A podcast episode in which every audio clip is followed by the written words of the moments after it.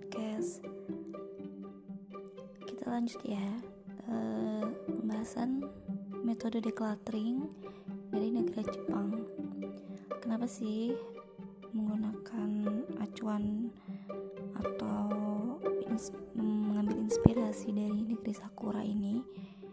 Nah sebenarnya Jepang dan Indonesia itu punya persamaan. Salah satunya terkait karakter masyarakat.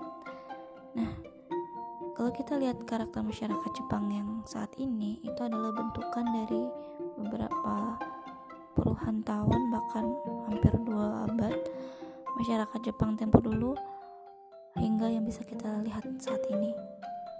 Jepang sendiri itu zaman dulu itu karakternya hampir sama bahkan jauh lebih parah ya daripada masyarakat kita.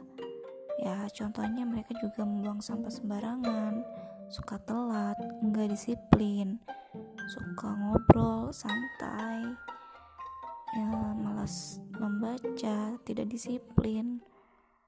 Ya intinya hal-hal yang mungkin mayoritas kita lihat saat ini kondisinya di masyarakat. Nah, karena dia Jepang ini melakukan reformasi besar-besaran terlebih dahulu, maka dari dari itu kita bisa belajar banyak dari mereka. Ya mulai dari hal yang kecil ya terutama.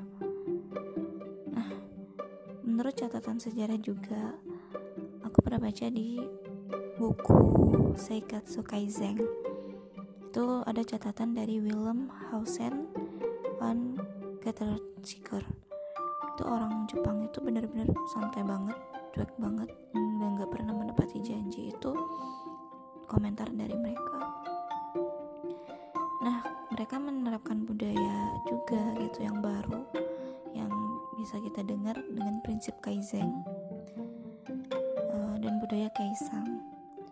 Jadi uh, mereka membuat inovasi terus meningkatkan kapasitas dan kualitas uh, sedikit demi sedikit tapi berkesinambungan. Dan akhirnya kita bisa melihat negeri Jepang seperti sekarang. Wah benar-benar uh, luar biasa kan ya? Nah oleh karena itu uh, di podcast kali ini aku akan bahas salah satu metode decluttering yang itu udah familiar bahkan udah diadopsi di Indonesia. Dan bisa diserap dengan kata-kata yang lebih Indonesia yaitu metode 5S atau dikenal dengan 5R.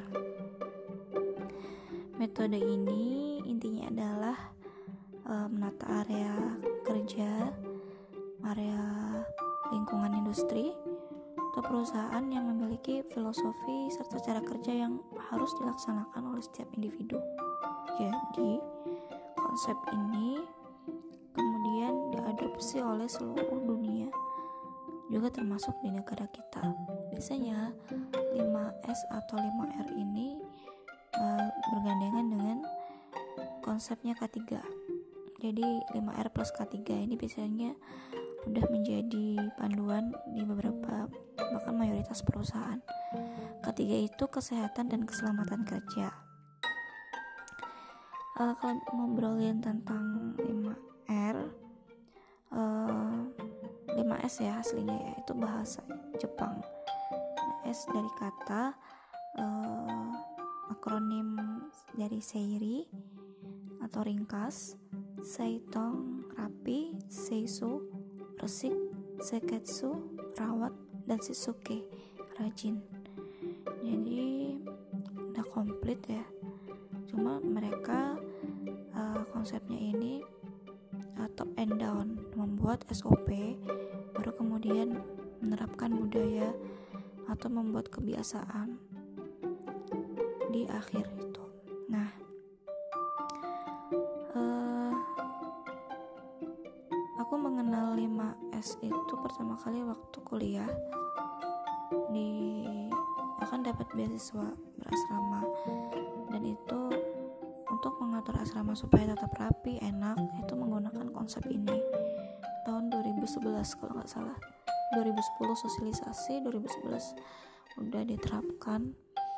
Dan akhirnya bisa uh, ngerti gitu. Kalau di 5R itu uh, intinya ada jadwal piket ada inventarisasi barang ada pembiasaan dan ada peraturan-peraturan yang dibuat untuk disepakati bersama. Jadi ini memang kondisinya adalah dengan beragam individu dan ruangan yang digunakan sama-sama maka kita harus mengaturnya dengan konsep ini. Nah itu tentang 5S ya. Oke uh, itu dulu. Next akan kubahas tentang KonMari metode yang fenomenal. Oke semoga bermanfaat